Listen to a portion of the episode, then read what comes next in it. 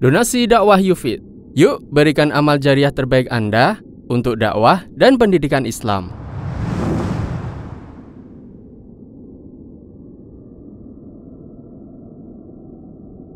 Bismillahirrahmanirrahim.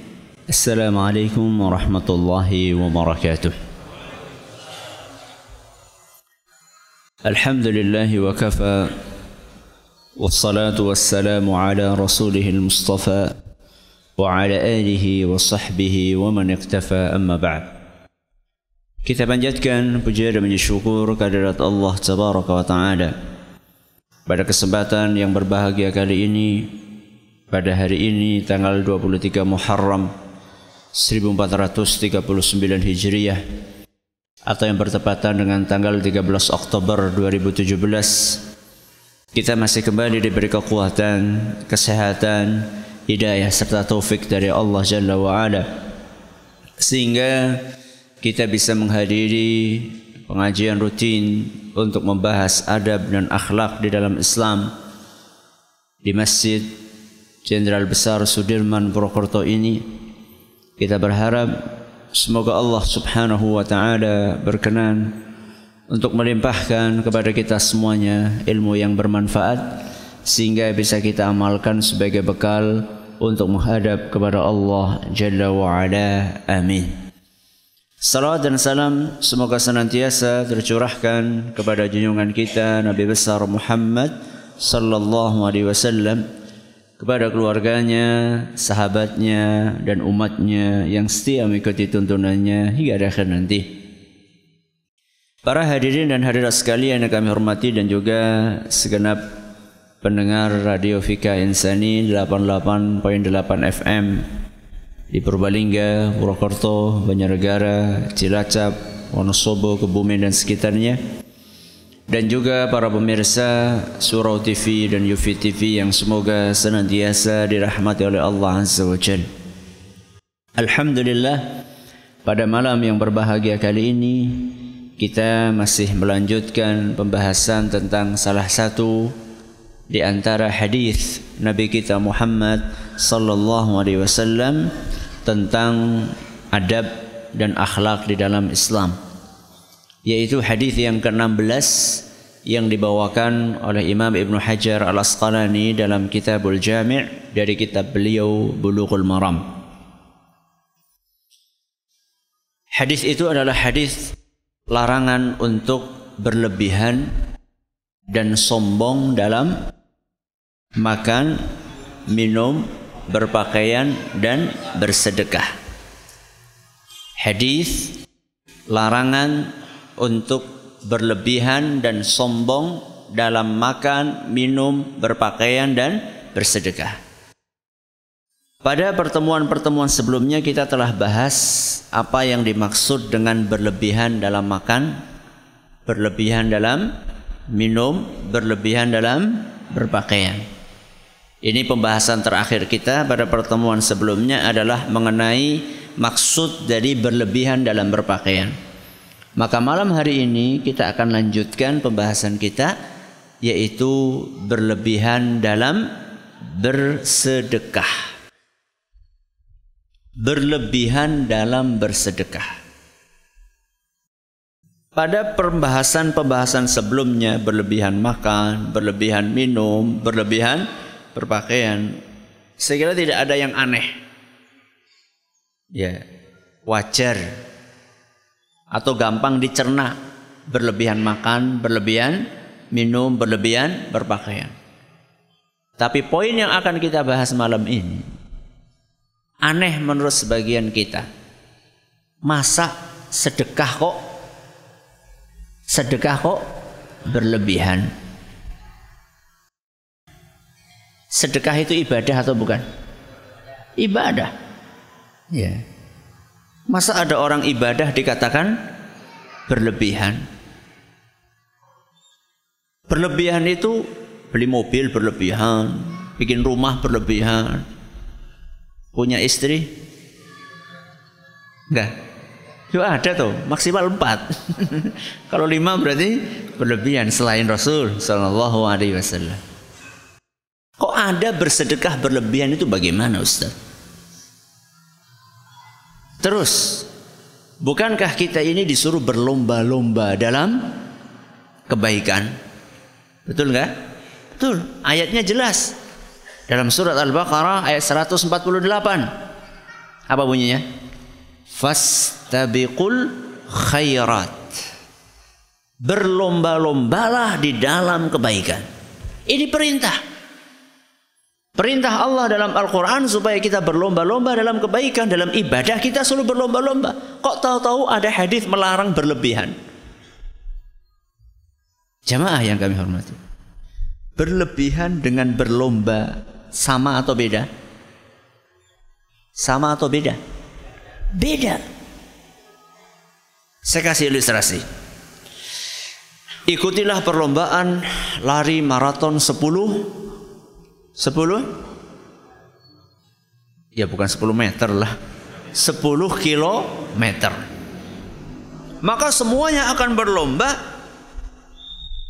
Untuk memasuki garis finish pertama kali Garis finishnya adalah setelah lari berapa? 10 kilometer Maka yang menang adalah yang pertama kali sampai di garis finish 10 km. Kalau ada orang sudah sampai garis finish masih lari terus sampai 20 km, menang? Ya tergantung dia masuknya kapan. dia masuknya terakhir tapi terus lari sampai 20 km. Juara? Gak juara. Siapa yang nyuruh Anda untuk lari sampai 20 km? Terus manfaatnya apa? Boro-boro ada manfaatnya, bahkan mungkin malah membahayakan. Ya. Jadi berbeda antara berlomba dengan berlebihan. Betul di dalam agama kita berlomba di dalam kebaikan itu dianjurkan. Makanya soft yang paling utama buat kaum pria adalah paling depan. Ustaz saya pengen lebih dari imam Ustaz. Nah itu namanya berlebihan. Berdirinya di depan imam. Oh, paling ngarep dewek Ustaz. itu namanya berlebihan. Yang disuruh di dalam agama kita bukan berlebihan tapi berlomba-lomba di dalam kebaikan. Satu hal yang harus kita ingat bahwa ibadah di dalam agama kita semuanya ada aturannya. Saya ulangi. Ibadah di dalam agama kita semuanya ada aturannya. Dan ini salah satu potret kesempurnaan Islam. Allah Subhanahu wa taala berfirman dalam surat Al-Maidah ayat 3, "Al-yauma akmaltu lakum dinakum." Pada hari ini aku telah sempurnakan untuk kalian agama kalian. Allah sudah menyempurnakan ajaran Islam. Kalau sudah sempurna berarti konsekuensinya sesuatu yang sempurna itu jangan jangan ditambah-tambahi dan jangan dikurangi. Itu konsekuensi sesuatu yang sempurna. Makanya kata Imam Ibnu Abbas radhiyallahu anhu sebagaimana dinukil dalam tafsir As-Tabari ketika beliau membawakan menafsirkan ayat tadi Al-Maidah ayat berapa? Ayat 3 apa kata beliau? Fala yahtajuna ila ziyadatin abada. Kaum muslimin sudah nggak perlu tambahan-tambahan lagi. Karena Islam sudah sempurna. Fala yunqisuhu abada dan juga tidak boleh dikurangi. Karena sesuatu yang sudah sempurna, kalau ditambahi jelek, dikurangi jelek. Betul atau tidak? Sesuatu yang sudah sempurna, ditambahi malah jadi jelek. Dikurangi juga jelek. Contohnya mata. Manusia kondisi sempurna jumlah matanya berapa? Dua. Kalau ditambahi Jadi tiga. Ditaruh di mana? Batuk satu. Bagus? Lumuk akeh. Atau dikurangi, maaf. Cuma jadi satu. Sesuatu yang sudah sempurna, kalau ditambahi jelek, dikurangi jelek. Berarti seperti apa adanya. Dan ini adalah salah satu keistimewaan Islam. Kita ini tidak disuruh untuk berinovasi dalam beribadah. Kita ini tidak disuruh untuk kreatif dalam bikin ibadah baru. Enggak. Kalau jenengan mau kreatif silakan dalam perkara duniawi. Mau berinovasi silakan dalam perkara duniawi. Ya. Akan tetapi dalam masalah ibadah kita terima apa yang sudah diatur oleh Allah Subhanahu wa taala dan apa yang sudah diatur oleh Rasulnya sallallahu alaihi wasallam karena aturan mereka adalah aturan yang terbaik. Terus Ustaz, infak. Infak itu ada aturannya atau tidak? Ada. Karena infak adalah ibadah. Infak ibadah maka ada aturannya. Sebagaimana sholat ibadah ada aturannya. Puasa ibadah ada aturannya. Haji ibadah ada aturannya. Semuanya ada aturannya. Aturan infak apa Ustaz? Antara lain Allah sebutkan dalam surat Al-Furqan ayat 67. Surat apa? Al-Furqan ayat 67. Allah Azza wa Jalla berfirman, "Walladzina idza anfaqu" Ibadur Rahman, orang-orang hamba Allah yang akan mendapatkan kemuliaan salah satu karakteristiknya walladzina idza anfaqu ketika mereka infak lam yusrifu tidak berlebih-lebihan walam yakturu dan juga tidak pelit. Tidak berlebihan juga tidak pelit. Berarti dua kubu ini sama-sama sama-sama tercela. Jadi bukan berarti ketika kita dilarang berlebih-lebihan terus jadi kita setiap ada kotak lewat, oh saya nggak boleh berlebihan. Itu namanya pelit. Dua-duanya nggak boleh dalam agama kita. Lam yusrifu, tidak berlebihan dalam infak, walam yakturu, tapi juga tidak pelit. Terus bagaimana Ustaz? Wa kana baina qawama. Seharusnya dia itu ketika infak pertengahan. Sesuai dengan ajaran yang sudah diajarkan di dalam agama kita. Seperti apa potret-potret berlebihan di dalam berinfak? Saya akan bawakan dua contoh. Saya akan bawakan dua contoh. Contoh yang pertama, orang yang berlebihan dalam berinfak. Contoh yang pertama adalah orang yang berinfak sunnah berinfak sunnah lalu mengakibatkan terbengkalainya infak yang wajib. Saya ulangi. Contoh yang pertama apa? Orang infak sunnah lalu mengakibatkan terbengkalainya infak yang wajib.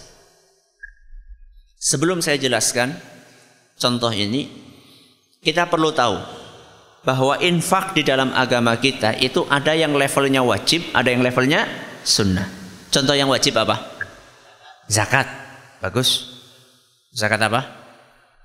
Zakat mal, zakat fitrah, ada yang lain infak yang wajib?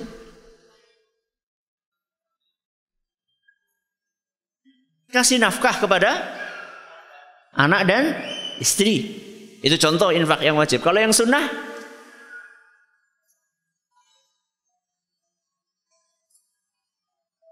sedekah bangun masjid terus apa? Anak yatim, biayai anak yatim. Ada yang lain? Ibnu Sabil, ya.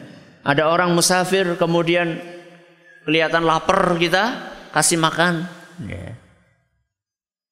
Di dalam agama kita, infak itu ada yang wajib, ada yang sunnah.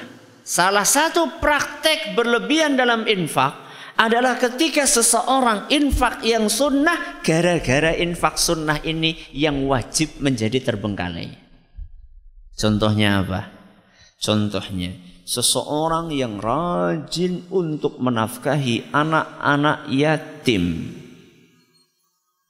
Tapi gara-gara itu anaknya sendiri kelaparan.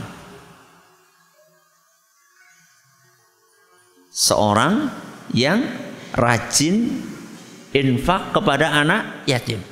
Tapi gara-gara saking rajinnya itu, duitnya habis, anaknya sendiri kelaparan. Contoh yang lain ada Ustaz? Ada. Orang yang sangat peduli untuk menafkahi janda-janda muda yang ada di sekelilingnya. Akhirnya istrinya sendiri tidak diperhatikan. Kok janda muda sih Ustaz? Ya wis janda tua. Itu namanya berlebihan. Kenapa Ustaz? Karena infak terhadap anak yatim hukumnya sunnah. Sedangkan nafkah kepada anak sendiri hukumnya wajib. Membantu janda entah muda maupun tua itu hukumnya sunnah. Sedangkan menafkahi istri sendiri itu hukumnya wajib. Maaf, sering ada orang curhat. Tanya, Ustaz, suami saya Ustaz, dermawan sekali. Kalau ada pengemis, ada orang minta sumbangan, ada ini, ada itu. Masya Allah, bagus ibu, Masya Allah. Bersyukur ibu punya suami yang seperti itu. Iya Ustaz, saya syukur Ustaz. Tapi Ustaz medit banget. Kalau bojone dewek. Pelit banget sama istrinya sendiri. Kalau ngasih sama orang lain, masya Allah, nyah Apa nyah Ringan tangan. Ringan tangan yang manis. ya. Loman. Masya Allah ngasih sama orang. Tapi sama istrinya sendiri. Ya Allah Ustaz saben dina tempe tahu. Tempe tahu. Padahal dia punya duit. Saya bukan lagi ngomong tentang orang yang nggak punya duit ya. Kalau orang nggak punya duit itu tidak masalah. Memang mampunya seperti itu di dalam Al-Quran. Allah Subhanahu Wa Taala ngasih aturan untuk bagaimana sih ukuran kita itu menafkahi istri kita. Dalam surat At-Talaq ayat 7. Surat apa? At-Talaq ayat 7. Allah Subhanahu wa taala berfirman, "Liyunfiq dzu sa'atin min sa'atihi." Hendaklah orang yang mampu punya kelebihan rezeki menengah ke atas hendaklah dia memberikan nafkah sesuai dengan kemampuannya. Jadi nek bisa tuku ndok ya ditukokaken ndok. Nek bisa tuku ayam ya ditukokaken ayam. Terus Wa man qudira alaihi rizquhu falyunfiq mimma ataahu Allah. Sedangkan orang yang rizkinya seret. Sedangkan orang yang menengah ke bawah. Maka hendaklah dia memberi nafkah sesuai dengan harta yang Allah berikan kepada dia. Bisanya ngasih lauk tempe tahu. Memang duitnya cukup untuk itu. Rosang gaya tuku sate kalau memang mampunya untuk beli tempe tahu. Loh ini mampu. Bukan hanya beli telur, beli sate.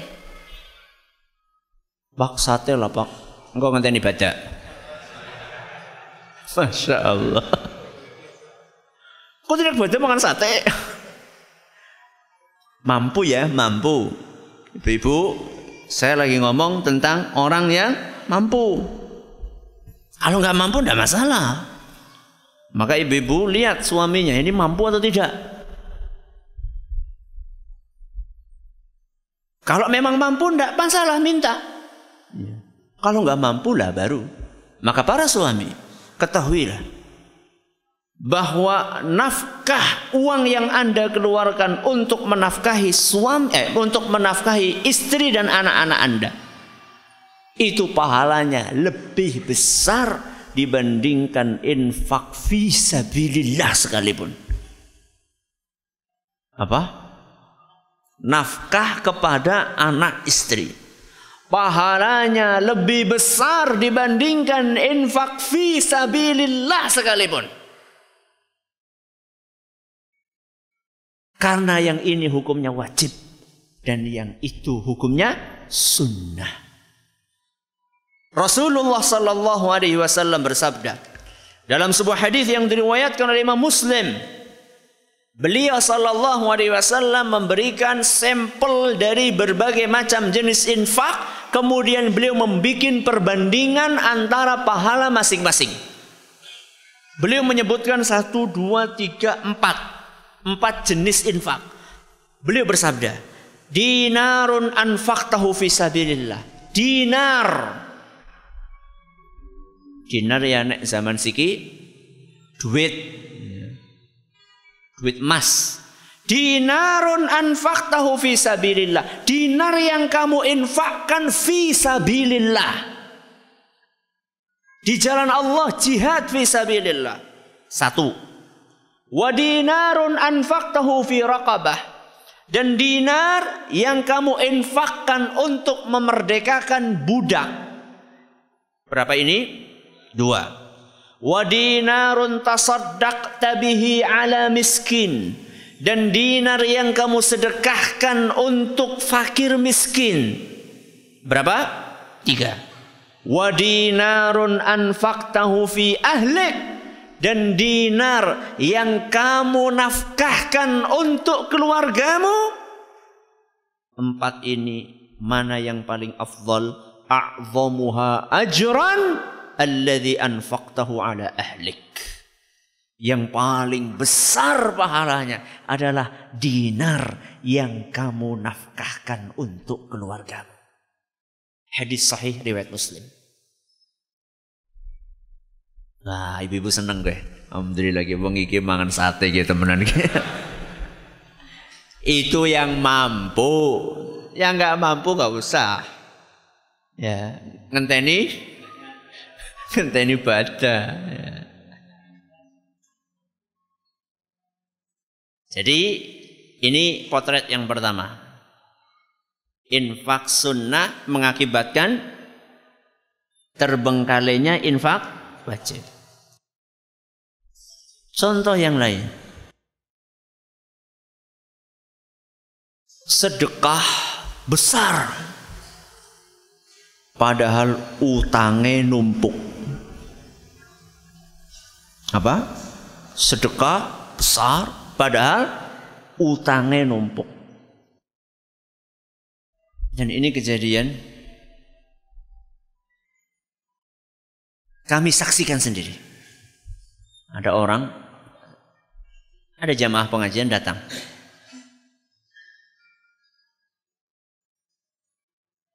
Datang suami istri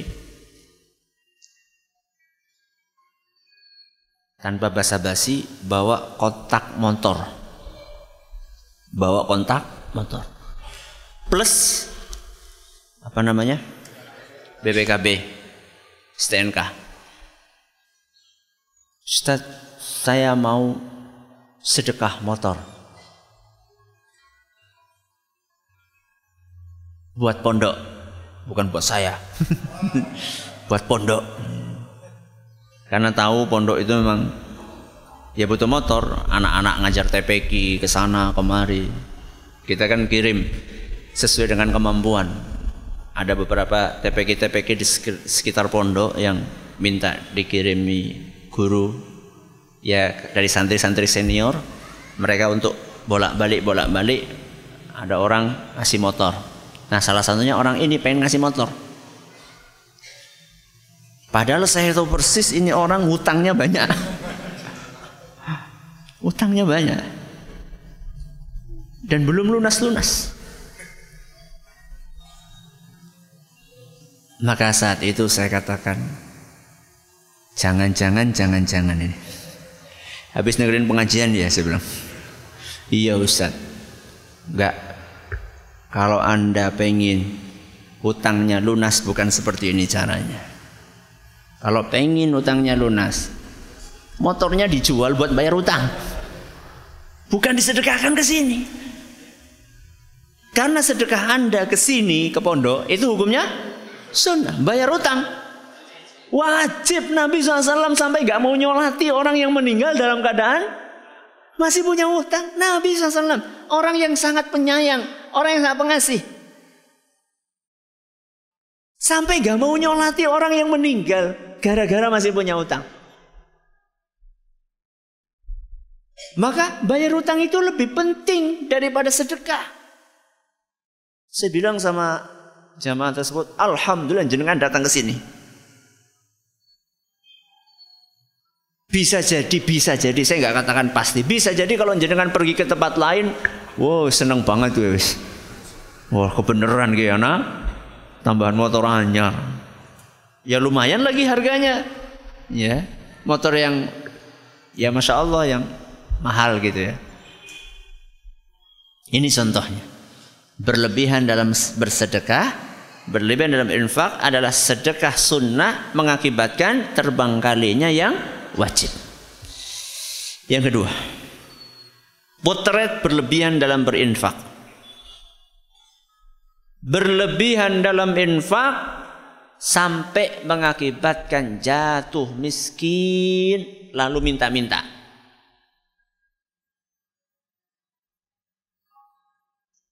Gimana? Berlebihan dalam infak sampai jatuh miskin. Akhirnya minta-minta.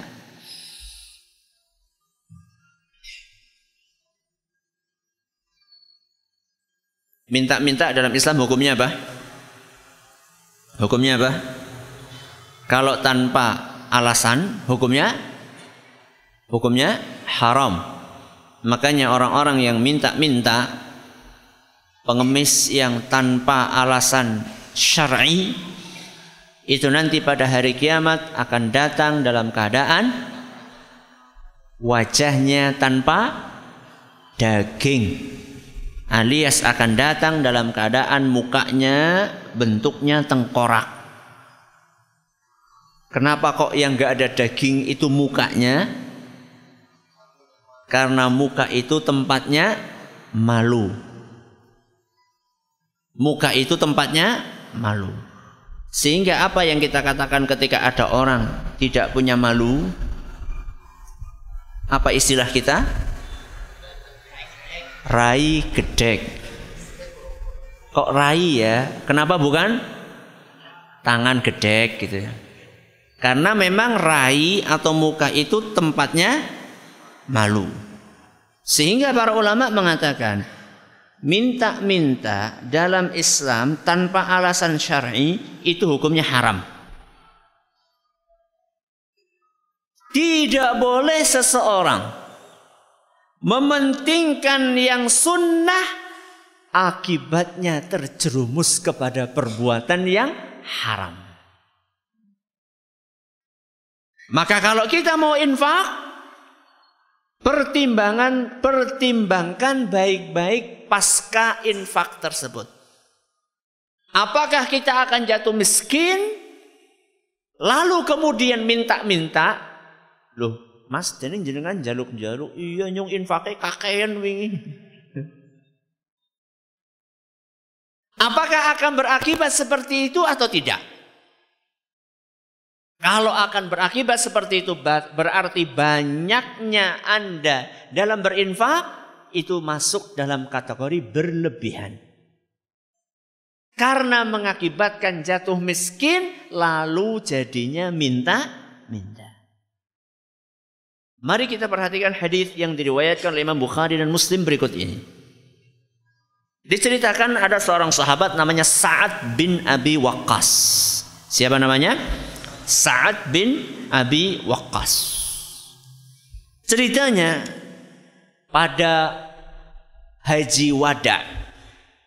Pada haji wada. Bismillah. yaitu haji perpisahan, haji terakhir Rasulullah sallallahu alaihi wasallam. Saat ini sakit parah. Sampai-sampai beliau merasa ajalnya sudah dekat. Rasulullah SAW datang membesuk beliau. Kesempatan berharga itu digunakan oleh saat untuk konsultasi kepada beliau sallallahu alaihi wasallam. Kata Sa'ad, "Ya Rasulullah, inni qad balagha bi minal waja'i wa ana dhu malin wa la yarithuni illa ibnah." Wahai Rasul, aku ini kaya. Dan kondisiku seperti kamu lihat, sudah sangat parah sakitku. Dan aku cuma punya satu ahli waris yaitu putriku. Afa atasaddaqu bi thulutsai mali? Bagaimana kalau saya sedekahkan dua per tiga hartaku? Berapa? Dua per tiga. Berarti nek se-M pira? 750 juta, betul? Iya. Faqala la. Nabi SAW menjawab, jangan. Fakultu bisyatri. Gimana kalau separuh? Satu M, separuhnya berapa? 500 juta. Faqala la. Kata Nabi SAW, jangan. Kemudian Nabi SAW mengatakan, as-thuluth. Kalau kamu pengen infak, silahkan infak sepertiga. Wasulusu kathir. Dan sepertiga sudah banyak.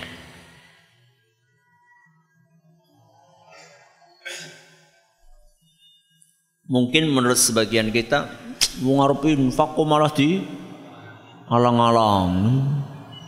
Nek carane nyong ya, oh aja rong pertelon kabehan bae. Nabi SAW dua per tiga malah disuruh turun jadi uh, malah ketika minta setengah turun-turun lagi sampai berapa? Sepertiga. Lihat alasan Nabi SAW. Ini yang penting, sangat penting. Innaka antadhara warasataka aghniya'a khairun min antadharahum 'alatan yatakaffafuna an-nas. Lebih baik kamu tinggalkan ahli warismu dalam keadaan berkecukupan daripada engkau tinggalkan ahli warismu dalam keadaan miskin, minta-minta kepada orang lain. Hadis riwayat Bukhari dan Muslim. Jadi Nabi SAW mengajarkan bahwa tidak minta-minta, hidup berkecukupan itu lebih baik daripada miskin minta-minta.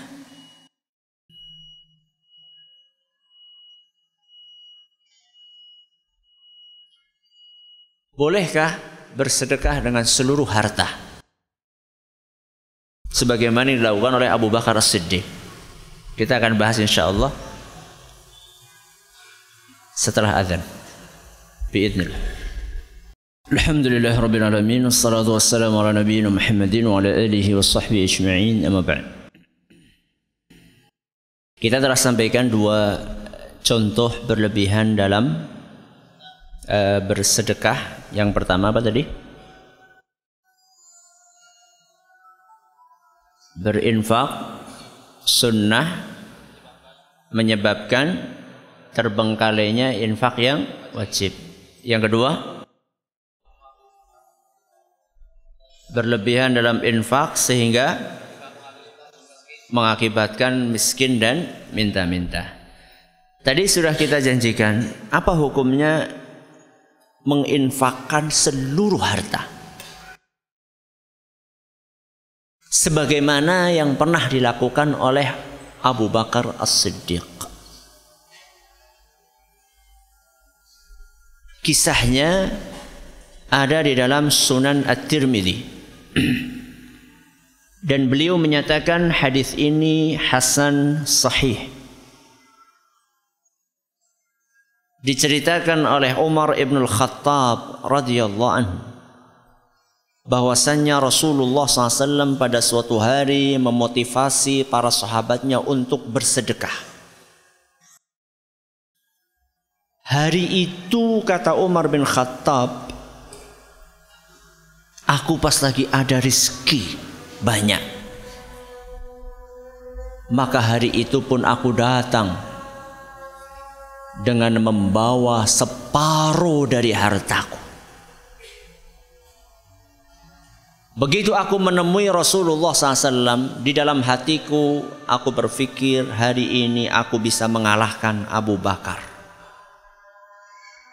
Karena selama ini Umar merasa tidak pernah bisa mengalahkan Abu Bakar dalam beramal. Hari ini aku bisa mengalahkan. Maka begitu beliau menghadap kepada Nabi SAW menyerahkan infak atau sedekahnya yang banyak. Maka Nabi Wasallam bertanya kepada beliau, Ma abqaita li ahlik? Apa yang kamu sisakan untuk keluargamu? Dengan kamu membawa harta sebanyak ini, buat keluargamu kamu tinggalin seberapa? Kata Umar, mislahu. Aku tinggalkan buat keluargaku seperti yang aku infakkan di sini.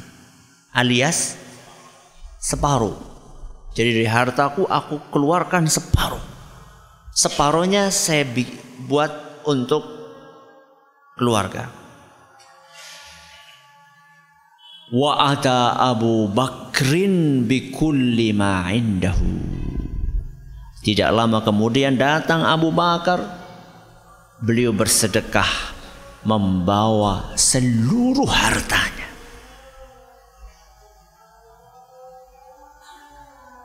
Umar pikir hari ini Abu Bakar kalah. Ternyata Abu Bakar membawa seluruh hartanya Maka Nabi SAW bertanya, Ya Abu Bakrin ma abqaita li ahlik. Wahai Abu Bakar. Apa yang kamu tinggalkan untuk keluargamu? Maka beliau menjawab, Abqaitu lahumullah wa rasulahu. Keluargaku wahai Rasul, kutitipkan kepada Allah dan kepada Rasulnya Sallallahu Alaihi Wasallam. Maka Umar saat itu pun berkata, La usabiquka ila syai'in abada. Wahai Abu Bakar, aku tidak mungkin mengalahkanmu dalam apa pun juga.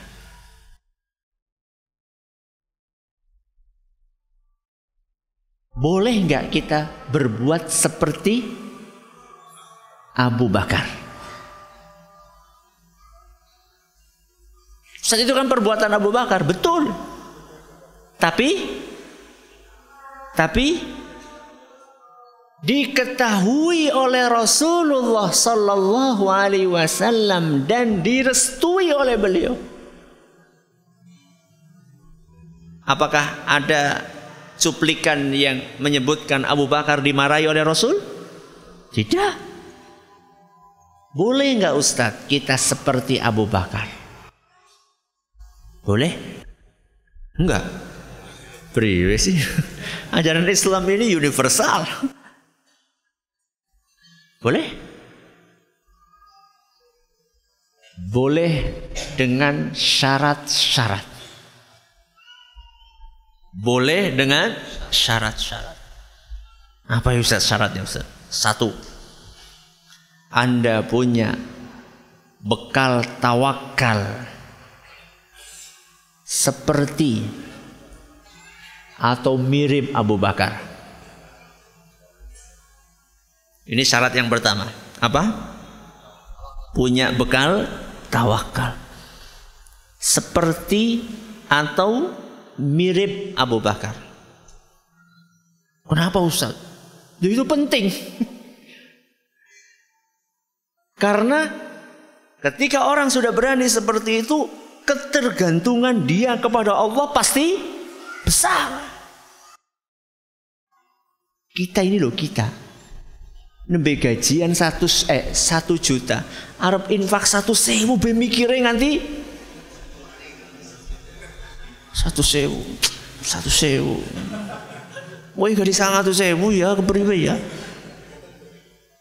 Kira-kira gue cukup orang yang gue sebulan satu sewu. Itu seper berapa itu? Seper sepuluhnya. Syarat yang pertama. Syarat yang kedua. Ini disebutkan oleh Imam Ibnu Hajar dan juga ulama yang lainnya.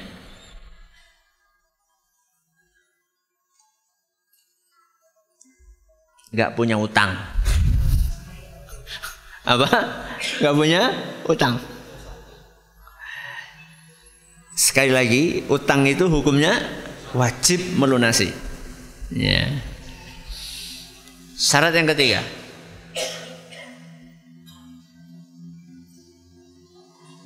tidak punya tanggungan. Tanggungan nafkah keluarga. Atau punya tanggungan nafkah keluarga dan tawakalnya sama dengan Anda. Ini syarat yang berapa? Tiga. Tidak punya tanggungan nafkah. Artinya ketika Anda infak tidak mengakibatkan terlantarnya keluarga Anda. Atau Anda punya keluarga tapi level tawakalnya kayak Anda. Artinya siap urip rekasa bareng. Dan itu nggak gampang. Ya. Penak bareng rekasa karena dewek-dewek. Ketika suaminya masih kaya, cinta setia. Begitu bangkrut, sorry ya. Nyari yang masya Allah ya, yang setia, yang siap untuk susah, senang bareng itu nggak gampang. Berapa syarat ini? Tiga syarat. Ustaz ngomong-ngomong Abu Bakar ini apa semua duitnya semuanya semuanya ya betul semuanya Ustaz. Kata Ibnu Hazm semua yang dimaksud di situ adalah duit. Apa? Duit. Tapi beliau masih punya rumah. Beliau masih punya kebun. Ya. Jadi dia beliau itu masih punya sumber penghasilan. Jadi bukan nganti umai, nganti motore, terus ngono nganti golek tinggal. Ya Ya engkau baiklah numpang ngone tanggane. Lo itu malah nggak benar. Itu jadinya menjadi beban buat orang lain. Ya. Jangan sampai kita gara-gara sedekah kayak Abu pengennya kayak Abu Bakar malah akhirnya setiap hari uh, bertamu di waktu makan. awan iki mau kae, awan iki ngene kae. Tuan rumah iki ora bali-bali iki. Wong urung diwisuguhi mangan kon bali kepriye. Ya. Wallahu taala ala wa alam. Mudah-mudahan bermanfaat buat kita semua. Masih ada pembahasan tentang hadis ini belum selesai, yaitu sombong dalam berpakaian, makan, minum, dan sombong dalam bersedekah. Mudah-mudahan Allah memberkahi ilmu kita. Terima kasih atas perhatiannya menonton segala kurangnya. Kita tutup dengan membaca Subhanakallahumma wa bihamdika asyhadu an la ilaha illa anta astaghfiruka wa atubu ilaik. Assalamualaikum warahmatullahi wabarakatuh. Donasi dakwah Yufid Yuk berikan amal jariah terbaik Anda untuk dakwah dan pendidikan Islam.